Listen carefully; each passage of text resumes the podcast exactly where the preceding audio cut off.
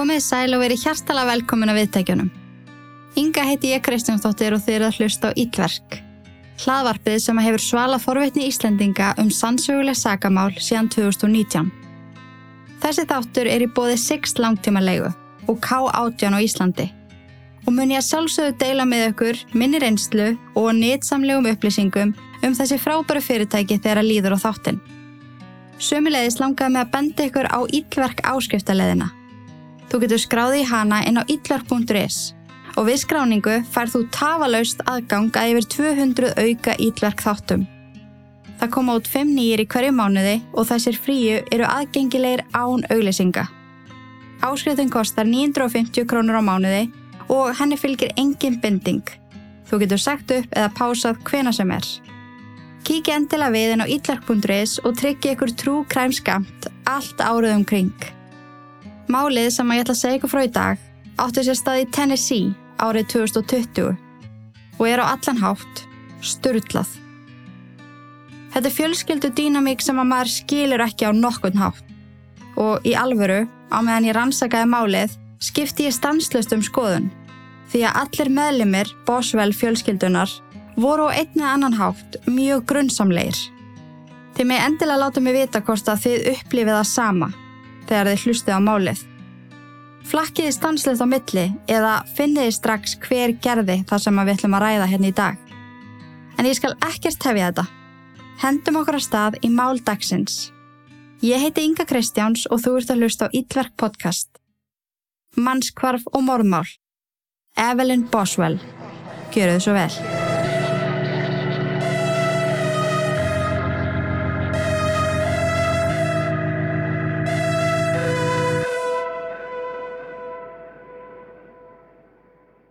Þann 19. februar árið 2020 byrstist Amber Alert og í því er beði almenning um að hafa augun opinn því að hinn 15 mánada gamla Evelyn Boswell var tínt.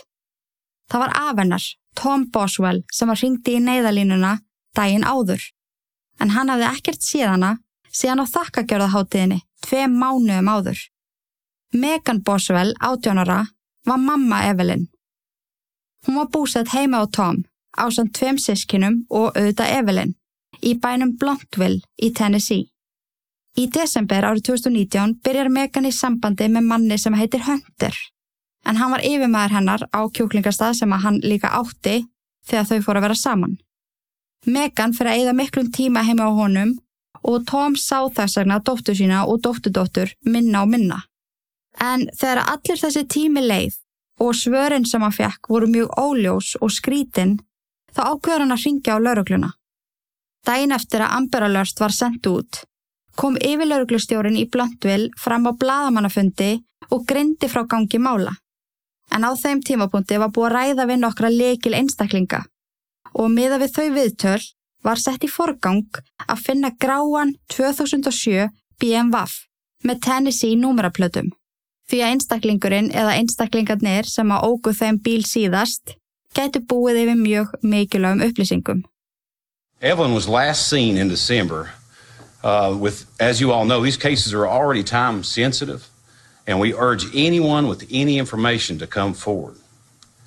I know there are a lot of questions and rumors floating around. Believe me, we have a lot of questions that still unanswered as well. Uh, the investigation began on Tuesday afternoon, February 18, after the Sullivan County Sheriff's Office received a State of Tennessee Department of Children's Services referral. The referral stated that certain family members hadn't seen the Evelyn in two months. The Sullivan County Sheriff's Office and the, Department of Children's Services immediately launched an investigation to locate 15 month old Evelyn Boswell. During this investigation, uh, we were made aware of a person of interest that we would like to speak to. Uh, this may lead to additional relevant information uh, in our investigation. Uh, this car, this vehicle with the occupants, is a gray 2007 BMW with Tennessee tags 3M9 Megan egnaðist Evelyn með manni sem heitir Ethan Perry. Þau voru aldrei í sambandi en hittust nokkru sinnum. Þegar Megan tilkynnti honum að hún var óleitt eftir hann og hann var í pappin því að hún hafði aldrei sofið á neinum öðrum, þá let hann sig hverfa. Hann var aldrei inn í spilinu en foreldra hans voru reglulega í sambandi við Megan og reyndu að aðstóða hana fjárhagslega. Megan fyrir að vinna á veitingastanum Hunter's Tees Chicken Stack í oktober árið 2019 og Hunter Wood, eigandi staðarins og yfirmæður hennar, fyrir að reyna við hana, fljótlega eftir að hún hefur störf og í desember 2019 þá byrjaðu saman. Og eins og ég talaði um áðan var Megan búsett hjá pappa sínum en hann og mammans Angela voru lunguskilin og Angela byrjuði sambandi með öðrum manni sem að heiti William. Evelyn litla var dásamlegt barn með ljóst hár, stór og falli augu og ljúf og góð við alla í kringum sig. Afennar sá hana síðast þegar fjölskyldan borðaði saman á þakkagjörðaháttíðinni. En það kom í ljós eftir fullta viðtölum og þá sérstaklega viðtöl við stelpu sem að hjálpaði meganótt með pössun að hún sá hana síðast 10. eða 11. desember.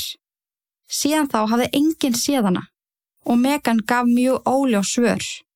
Þegar að pappina spurði úti í badnið þá var hún alveg að fara að sækjana eða hún gisti á barnapíðin í nótt. Og ég er að segja ykkur að þetta minni mig óþægilega mikið á Casey Anthony. Hvernig atbyrðarásinn er þarna á þessum tímapunkti. Megan virtist þó vita nákvæmlega hver var með barnið og af því að hún vissi allan tíman ringd hún ekki á laurugluna þótt hún var ekki búin að sjá barnið sitt í næstu í tvo mánuði. En Megan gæti aldrei sagt lauruglu nákoma dagsendingu, hvenar hún sá Evelyn síðast. Þann 22. februar 2020 fyrir Megan í viðtal hjá lokal sjóarstöð, þar sem að hún lýsir dóttur sinni og gefur upp örlittlar upplýsingar um gangmála. En það voru hennar ábendingar sem að leittu lauruglu í það að finna þannan gráa BMW. Ég ætla að spila viðtalið við Megan og plýsa ekki segja mér að ég sé svo eina sem að heyri þannan skrítna kæk sem hún er með. Hún er vissulega hrætt og stressuð en þessi kækur og hvernig hún kemur fram er svo innilega taktlust í þessum skjálfilegu aðstæðum. I just want to tell you about like her favorite things and personality wise. I know like looking on TV and just kind of seeing a picture, it's a lot harder to, you know, envision a baby. Like her favorite food is like sweet potatoes. She's really sweet. She loves to give people kisses. Favorite song is Baby Shark. Just like that kind of stuff. Um, can you tell me what's her favorite toy? Her, she has a little baby shark puppet. Um, what what would y'all do together? well, she loved to take baths. that was her favorite thing. And she had little shark toys that swim in the bath and stuff like that. Um, how old- how old is she now? She's 15 months today, actually. Um, can you tell me a little bit? Like, so you said she's very sweet. Does she, is sweet with everybody, or She is. She loves everybody. um, can you tell me a little bit about like how you're feeling? Do you do you miss her? You? Of course, I miss her, and like, I can't tell anything about the ongoing investigation, but they are. I'm sure you you all have released an article about the car and stuff like that, so they have a pretty good idea of who has her. I mean, if they're watching, I just want them to bring her back. Is there anything you'd like to say to them? if they're watching? I just want her back. You know, that's my child. I'm sorry. I know this must be hard. Um, why don't you tell me a little bit more about her? Do, do you have any pictures of her? Have you have you been looking? Not on me, no. Not on you. Have you been looking at photos and stuff of her while you're? How, how are you coping with all of this? I just want her back. Um, if you could tell her anything now, what would you what would you say to her? I love her and I miss her. and That I'll be with her as soon as I can get to her any way I can. And I know all of this is, is very hard. Can you tell me like how you're feeling? I just want her back. That's all I want. Are are you feeling worried or anything along those lines? Yeah. Can you tell me about that at all? Well, the reason I didn't report it or anything is because I knew the person who had her, and I didn't want them to run away with her. And as soon as they thought anything was going on, they just kind of vanished. Mm-hmm. so, so I'm just worried about you know like where they're at, what they're doing with her at this point in time. So you do know who has her. You do. Can you tell us who that is, or you don't? I can't release anything further about that. I'm sure they will at two at the, the press conference, but further than that, I can't say anything. And um, so you, you do know who has her. Are you, are you worried about her safety? Well, now I am because they won't answer phone calls. They've just kind of disappeared. Um, what is it like to? I'm, I'm assuming that you trusted this person. How has this trust been broken? What what's been going on with that? It has definitely been broken after this. Um, have you spoken to her father at all during this process? Are you having any support from No. or from your family? Yeah, my grandma's very supportive. She always is. That's good. Um, but you haven't spoken to him at all. Mm-mm. When was the last time you saw her? In December. In December. And what was that last day like? Was it a good day? I think it was about around Christmas, right? Can you tell me about that? It was a good day. She had a little pink bow in her hair and a little Puma tracksuit on. It was hot pink. And um, what, like, I know that you're you're hoping that she'll be returned shortly. Is there anything that you'd like to say to the person or people that have her that you think um, they should hear from you? they should just bring her back. They obviously know like what's going on and like you know they need to bring her back home. And you said that you trusted this person. So when did you realize that that trust might have been broken? Well, when they just kind of took off and wouldn't answer anybody. Uh, around when was that? Whenever this whole thing started. Fyrir viðtalið þá vissi konan sem að tók það ekki að Megan vissi hvar Evelyn væri. En fréttinnar í kringum málið höfðu hljómað þannig að enginn vissi það. En eins og þið heyrðuð í viðtalinu talar hún um að barnapía sé með Evelyn. Hún hafi þurft hjálp með pössun því hún var að fara að vinna og ekki grunað henni að barninu yrði ekki skilað. Hún ringdi ekki á laurugluna því að hún vonaði að manneskjan sægi af sér og skilaði Evelyn. Og líka því hún vissi að ef hún gerði málur þessu myndi manneskjan stinga af. Sem er ótrúlega skrítið að segja og frekar mikil mótsögn einhvern veginn. Í endan á viðtalinu segir hún að ef hún geti breytt ykkuru hefði hún ringt strax á laurugluna. Þá sérstaklega eftir hún sá hversu góð laurugludeildin í bænum var. Sama dag fer Hunter kærastinn hennar í viðtal og þetta viðtal er á allan hátt mjög áhugaverst. Hann vill ekki meina að samband þeirra hafi verið eitthvað sérstaklega alvarlegt. Þau hafi hist af á sen í desember og þau hafi kynst fyrst þegar hún fór að vinna á veitingastæðnum hans Hunter's Tea Chicken Shack. En hann segir líka að hann hafi aldrei hitt Evelyn. Hann hafi alveg vitað að Megan átti barn og hann hafi séð myndir af henn á vídeo en aldrei hitt hana því að hún var alltaf á pappa sínum sem er mjög sérstakt því að samkvæmt öllu þá hafði pappi Evelyn aldrei verið í spilinu. Hunter hefur voða lítið um máli að segja og dregur verulega úr sambandi hans og Megan. Hann vil frekar eigða viðtalinu í að plokka veitingastæðnum sínum sem hann gerir þrísasunum í þessu viðtali sem er svo hræðilega taktlust. I've never seen the baby in my life. Hunter Wood says he briefly dated Evelyn's mother, Megan Boswell. She applied for a job at my restaurant, Under T's Chicken Shack, and it wasn't like a relationship. It was an on and off going, you know what I'm saying, type deal. It wasn't like an all out, like, you know, relationship. He says he's known Megan Boswell for about two months and never saw baby Evelyn. All I've seen is pictures of her. I have no relationship with that child whatsoever. He says he's received threats over the internet, causing him to shut down his restaurant's Facebook page. To my knowledge, the entire time that I've known Maggie, uh, I've never seen the baby, of course, but as well as the baby has been with the father, you know, back from military leave. And that is all that I've known about the child. He wants the focus to be on finding the child and not on him and his business. There's been a bunch of stuff said about, you know what I'm saying, my restaurant, Hunter T's Chicken Shack, things negative towards, you know what I'm saying, to try to, you know, stir away the main key factor of us just trying to operate. Dæin eftir fer Tom Boswell í viðtal og í því viðtali koma fram upplýsingar sem að breyta gangi mála. En þegar hann gæti ekki setja á sig lengur og ákvað að ringa á laurugluna því að hann hafði ekkert séð barnabarni sitt og hafði ekki hugmynd um hvar hún var, ákveður hann að ringja í fyrirverandi eiginkonu sína, Angelu. Megan hafði sagt pappa sínum í ykkur skipti þegar hann spurði að Evelyn væri hjá henni. En Angela vildi ekki kannast við það og baði hann um að vera ekkert að skipta sér af þessu. Hún fannst frekar skrítið að hún skildi segja þetta. Akkur ætti hann ekki að skipta sér að því að barnabarnið hans er tínt. Hann segi svo við hana að ef hún get ekki sagt honum neitt um Evelyn og Megan ekki heldur, finni hann sér knúin til þess að ringja á laurugluna. Og þá segir Angela, ekki voga þér. Ef þú gerir það, myndu sjá eftir því. Af hverju myndi hún segja þetta? En muniði, grái BMWaffin. Allir sem að fylgdust með málinu höfðu álekta að þetta væri bíl í eigu barnapíunar sem að hafði rænt Evelyn. Því að Það er það sem að Megan grindi frá í viðtælinu. En þessi bíl fannst svo í Maverick síslu í North Carolina og það var engin barnapía að keiran. Heldur Angela og maðurinn hennar William og þetta var bílinn hans Hunter sem að hafi skráð bíli sinn stólinn eftir hann kvarf úr innkesslun hans. Þegar að laurugla ræði við Angelu segist hún ætla að kaupa þennan bíl og Hunter hafi ítrekka sagt henni að þanga til hún myndi borga væri henni velkomið að fá bílinn í láni.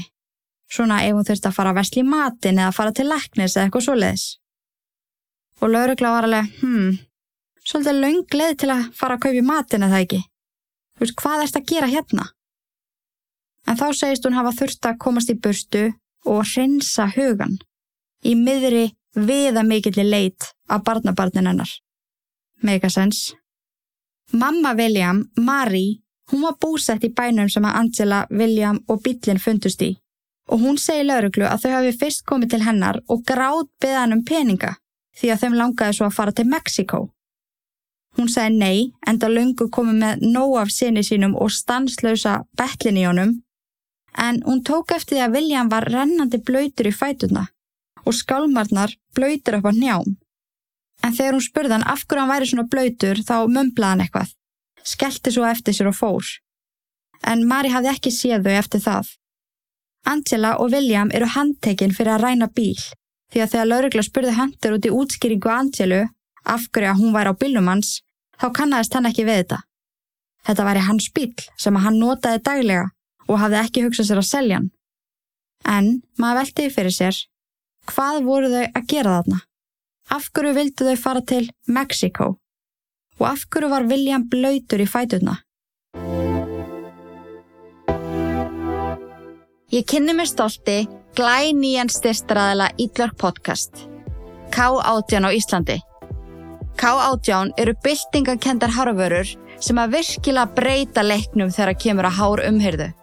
En ég hef lengi vel verið ótrúlega þver með mínar harfurur og get endilega degja yfir því að prófa K18. En eftir ég fór að eiga við langt yfir meðalagi óeðlilegt hárlós þá var ég nokkur tóðin tilbúin að gera hvað sem er til þess að laga ástandið. Nei sko, ég var orðin alveg frekar hrætt því að ég virkilega reif úr mér virkilega mikið af hári í hverju sturtuferð og sturtubotnin var alltaf stíplaður. Sumulegis var hárið þurst, hársverðurinn perraður og ég ángríns komst alltaf af hálfan dag án þess að upplifa hárið mitt greasy. Ég vill helst ekki þrýfa hárið daglega en á þessu tímabili þurfti ég svo innilega að gera það. Ég ákvaða að prófa K18 og hefur að nota núna í tvo mánuði. Og ég get allavega sagt okkur það að ég sérstaklega bað um þetta samstarf því að ég virkilega vildi fá tækifæri til þess að segja öllum konum með hormonatengt vandamál, líkt og ég, frá þessum horfurum. Það er í alverðinu lækna hárið eitt með tímanum. Ég fór allar leið og fekk mér sjampó sem að má nota daglega, svo sérstaklega detox sjampó sem að þú notar einu sinni viku sem að fjarlægir vöru uppsöfnun og önnur óhreinindi og í rauninni núlstillir hárið. Ég kefti hárnæringamaskan sem þú setur í rækthárið og ólíuna. Ég mæli klálega með þessu öllu því að þetta hefur bókstæla læknað það sem ég var að eiga við. Plús það þá gerir þetta hári mjúkt, viðráðanlegt og það fyrir að vaksa aftur. En það sem þetta eru dýrar vörur og alls ekki allir sem að meika henda sér út í búð og vestla sér alla vörulínuna þá mæli ég sérstaklega með því að byrja allavega á Peptide Prep pH Maintenance Shampoo og Leave-In Molecular Repair Hair Mask. Þetta er frábær byrjun og þessar vörur vinna saman. Þær byggja upp hárið og eftir nokkra daga nótgun ferðu að sjá og finna virkilega mikinn mun. Ég er svo ána með það að K18 sé komið í Ídlark fjölskylduna því að mist fátt skemmtilegra en að kynna ykkur fyrir góðu stöfi. En ég get lofað ykkur því að þetta eru horfurur sem munu láta ykkur langa að henda og aldrei nota neitt annað framar. Það er pínuð þannig. Því þarna er ekki verið að einblíma á lyktina, umbúða fegurð eða fjölda framleiðsla á vörum. Heldur þau virkilega hort í vísendin og blandan gömgæfilega sett saman fyrir hárið.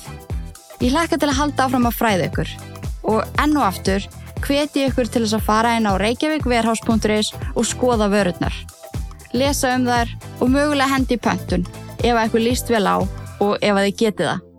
Hárvörurnar sem að læknuðu hormónavesinnis hárið mitt. Nýr styrstaraðili Ítlar podcast.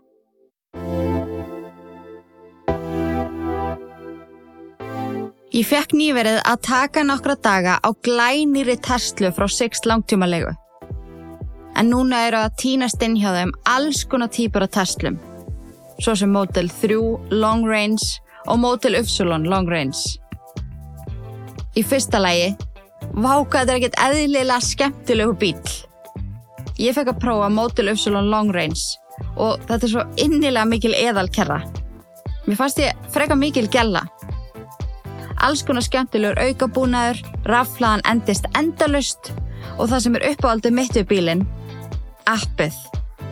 Hversu þægilegt er að þurfa ekki leikil til að opna, loka eða kveikja bílnum? Það er hægt að leia Tesla og Sixt í 8 mánuði, 12 mánuði, 24 mánuði og 36 mánuði. Að þeim tíma loknum getur þú skilað henni eða framlengt og fengið glænýja Tesla eða annan bíl í hendurnar. Ég vil eindrei hveti ykkur til þess að skoða þann kost að vera með bíl í langtímalegu hjá Sixt. Hvort sem að það er Tesla eða annars konar bíl. Eins og til dæmis glænýja Toyota BZ4X, WAF-X. Hann er ekkit eðlilega flottur. Jú eða klassískan Toyota Yaris. Sömmulegis vil ég hveti ykkur til þess að prófa ykkur áfram með 100% ramagsbíla. Það hljómar smá skeri í fyrstu að þurfa virkilega muni eftir því að hlaða á þess áttar. En vá, sapnast þegar að saman kemur. Á mínu heimili fóru greiðslur niður í lítið sem ekkert og rúmlega 60.000 á mánuði eftir að við skiptum yfir í 100% ramagn. Það marg borgar sig og ég get lofað eitthvað því að sextum er rétta ramagsbílinn fyrir þig á ótrúlega hagstæðum kjörum. Engin aukagjöld, engin útborgun, ekkert vesen. Sext langtímalega. Okkar allra besta bílalega síðan 1912. Takk og bless! Dægin eftir handtöku Angelo og William fyrir Megan í enn eitt viðtalið og nú hafði sagan snar breyst. Það var ekki lengur barnapía sem að var með Evelyn í haldi. Heldur mammenar. So let's get into the last time you saw her. Tell me what that time was like and when that was. Well, actually, I want to talk about that. I've told TBI where to find her in Mendota. My mom took her to a campground and a silver camper, and if they don't go tonight, I'm going to go find her myself. Because I've told them, and they're not really like taking it seriously. And if they don't go tonight, like I will go myself and go get her. My mom, like you can ask her, is a very vindictive, manipulating person, and Yes. she basically like threatened me the whole time that she was gone. Do you know who has Evelyn right now? it she dropped her off somewhere in Mendota at a silver camper.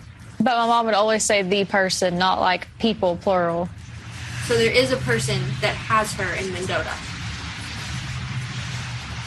They're not taking me seriously, TBI isn't, because I've not fully told them. I've been like, hey, like my mom camped out at Mendota, you want to go check them out, but I've never been like specifically, hey, she's not your silver camper, because my mom did threaten me, like, you know, if I told anybody. I'm not going to get into that, but she did.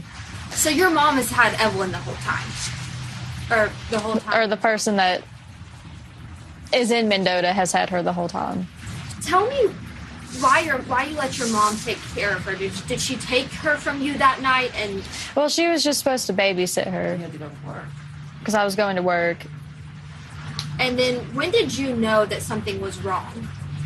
Well, whenever like she picked me up Wednesday, and I told her like, "Hey, they're doing a press release about the Amber Alert thing," and then she freaked out, and that's why they couldn't find her. Like nobody talked to her for days until they arrested her. She just kind of poof gone. But she kept trying to take me to Mendota, and I kept asking. I was like, "Are you taking me to Evelyn?" And she would never tell me yes or no. And I was like, "Well, if you're not, I'm just calling my police station come and get me. Like I'm not playing these games with you."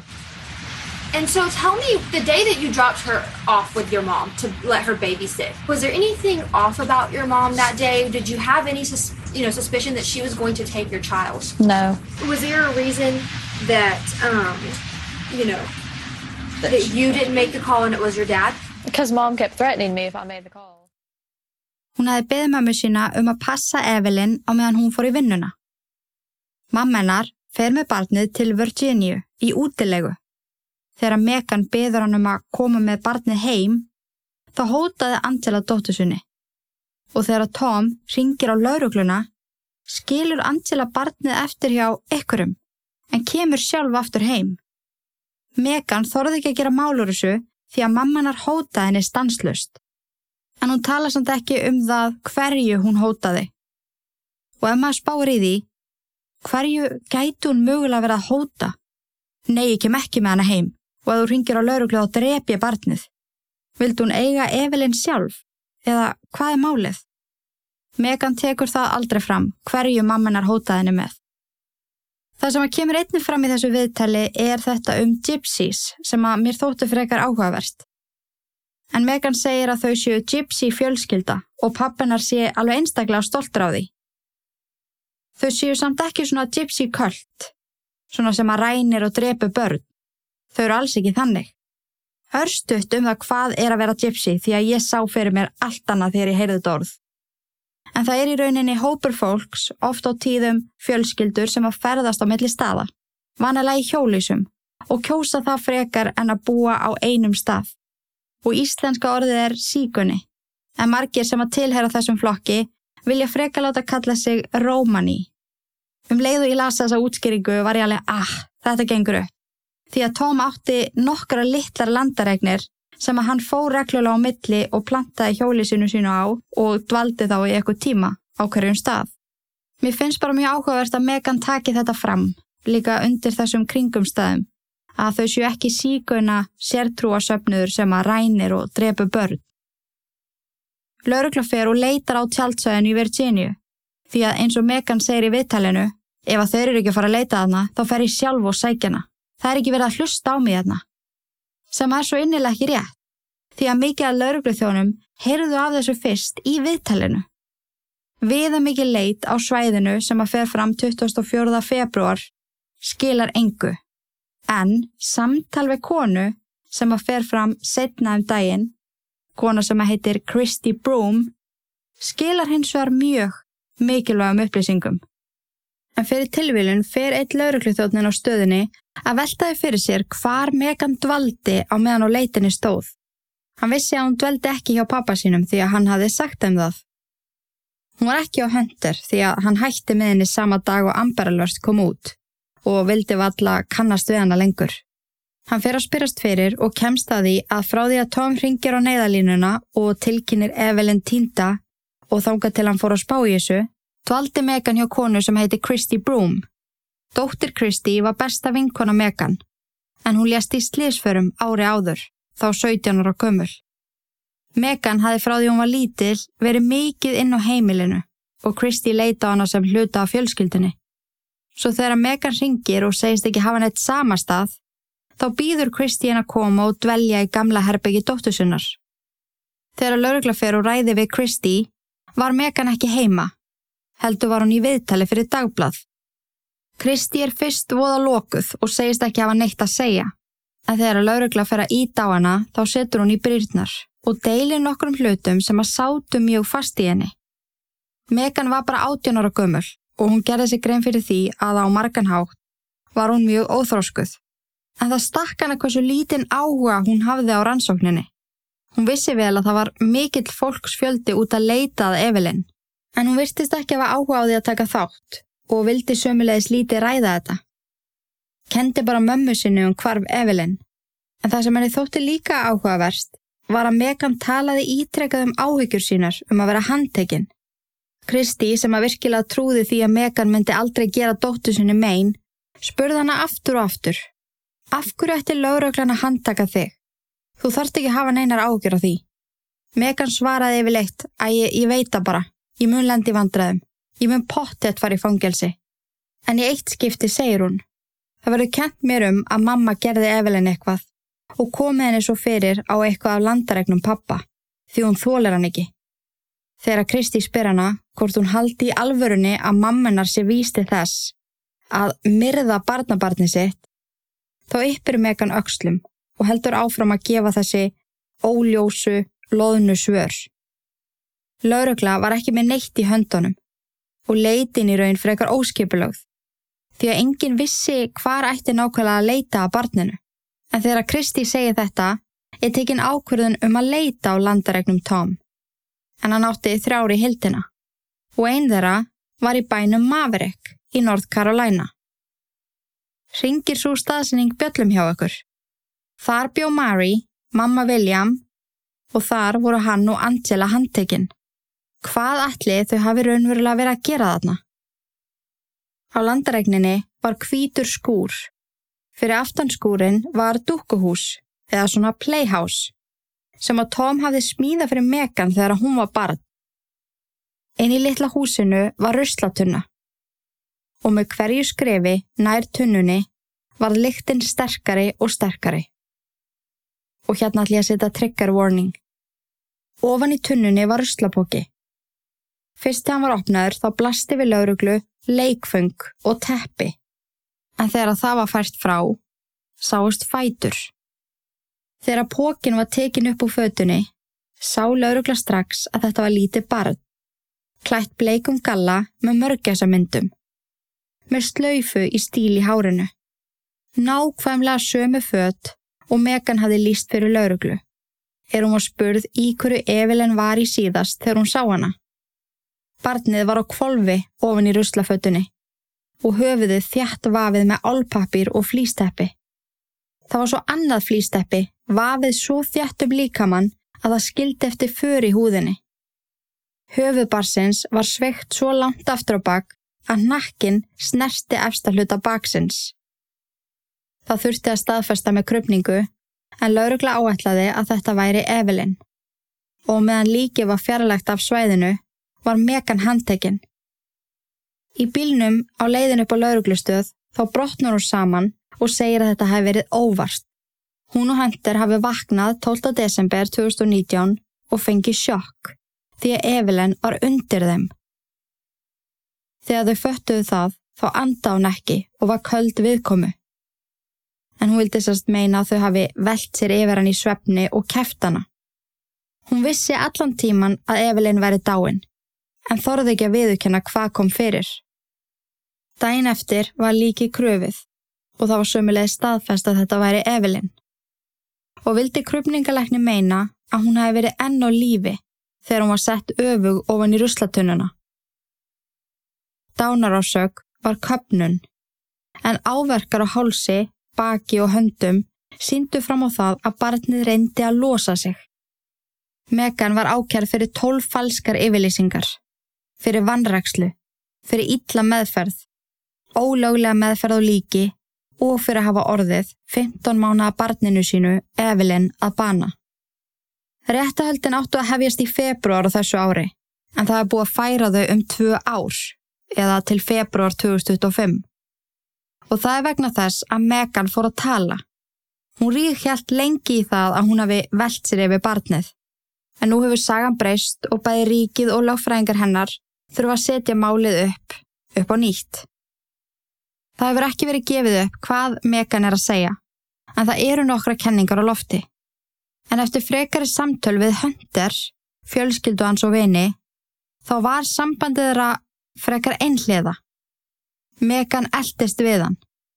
Hann var eldri, átti pening, flottan bíl og fyrirtæki. Og hann hafði ítrekka tala um það að hann vildi ekki börn. Svo að fólk hefur velt fyrir sér. Var Megan tilbúin að ganga svona langt til þess að vera með honum? Hreinlega að láta barnið sitt hverfa svo hann gefið sambandinu sjans. Mörgum finnst hann líka mjög grunnsanlegur og það þótti svo skrítið að hann hafi aldrei séð barnið. Líka því í einu viðtali sem hann fer í þá missar hann út úr sér að Evelyn hafi dotti út úr rúminans og handlegsbrotnað. Ég finn ekkert meira um þessa yfirlýsingu en ég mun klárlega að halda áfram að fylgjast með. Því að án þess að dæman þá hefur maður alveg heyrt dæmi um fólk sem að kemur mjög illa fram við börn nýra maka og beitaði ofbeldi bak við luktar dyr. Ég þurfa að veðja að hann hitti Evelyn ykkur tíman.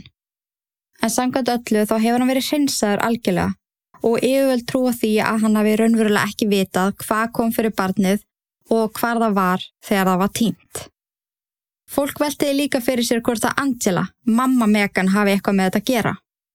Þá allan að þeirra koma því að koma líkinu fyrir eitthvað staðar. En ég er að segja ykkur það, það er ekki tilviljun að hún og William hafi verið á þessum slóðum. Ég er svo innilega vissum að þau hafi farið og losa sig við lík Evelyn til þess að aðstofa Megan. En svo þegar maður fyrir að spá í öllum skiptunum sem að Megan hendi mömmu sinni fyrir lestina, eins og að segja mamma tók hann og skildi hana eftir hjá ykkurum í Virginia, mamma hótaði mér og þetta með að mamma gerði Evelyn eitthvað og kom henni fyrir að landaræk pappa. Allir Angela hafi sagt um Megan eftir að það kom eitthvað fyrir Evelyn bara, heyrðu ekki af ágjur, ég skal retta þessu. Eða kom eitthvað fyrir Evelyn og hennar vakt. Var hún kannski alveg að passa fyrir Megan og það kom eitthvað fyrir. Og hún hafi svo í alvörunni hóta dóttu sinni þegar hún sagðist alltaf ringja á lauruglu. En munið þegar Angela segi við Tom þegar hann segist alltaf ringja á lauruglu, bara ekki voga þér, þú munt sjá eftir því. Mun hann sjá eftir því af því að þá áká hann að planta líkinu á landarækninu hans. Eða hvað átt hún við með þessu? Þetta er svo störtlað og eitthvað geti gert svona lagað mun ég aldrei nokkuð til mann skilja. En ég er svo vissum það að Angela og William séu viðriðin þetta mál á eitthvað hátt. Þau hafa þó ekki verið handtekinn í tengslum við málið en Angela setur þó í fangelsi. Mér segja sama fangelsi og Megan. Því að nokkru mánuðum eftir að líka Evelyn fannst þá braust hún inn til aldraða móðu sinnar og rændi af henni skarkripum og peningum. Því að henni vantaði pening fyrir fíknefnum. Hún hafi verið í neistlu í mörg ár en eftir allt með Evelyn var neistlan mun harðari. Ég mun halda áfram að fylgjast með málinu og ef það kemur eitthvað meira nýtt í ljós, mun ég klárlega að láta ykkur vita. En ég er mjög forvitin. Hvað tilfinningu fáið þið? Hvað haldið þið að hafi komið fyrir? Og haldið að Angela sé viðriðin málið? Látum endilega vita undir Instagram-fæslunni sem að ég geri um málið eða Facebook-fæslunni sem að mun komin og lokaða yllarkópin. Það væri mjög gaman að fá að heyra ykkar skoðanir á þessu öllu saman. En núna ætlum ég að kveikja kersti fyrir Evelyn litlu og ég vil hvetja ykkur til að gera slíkt þið sama. Mér finnst það alltaf ótrúlega góð lókun eftir svona skjálfilega mál.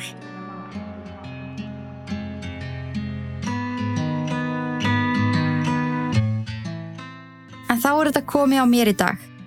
Þú sem þakki fyrir að hlusta og takk fyrir að vera til.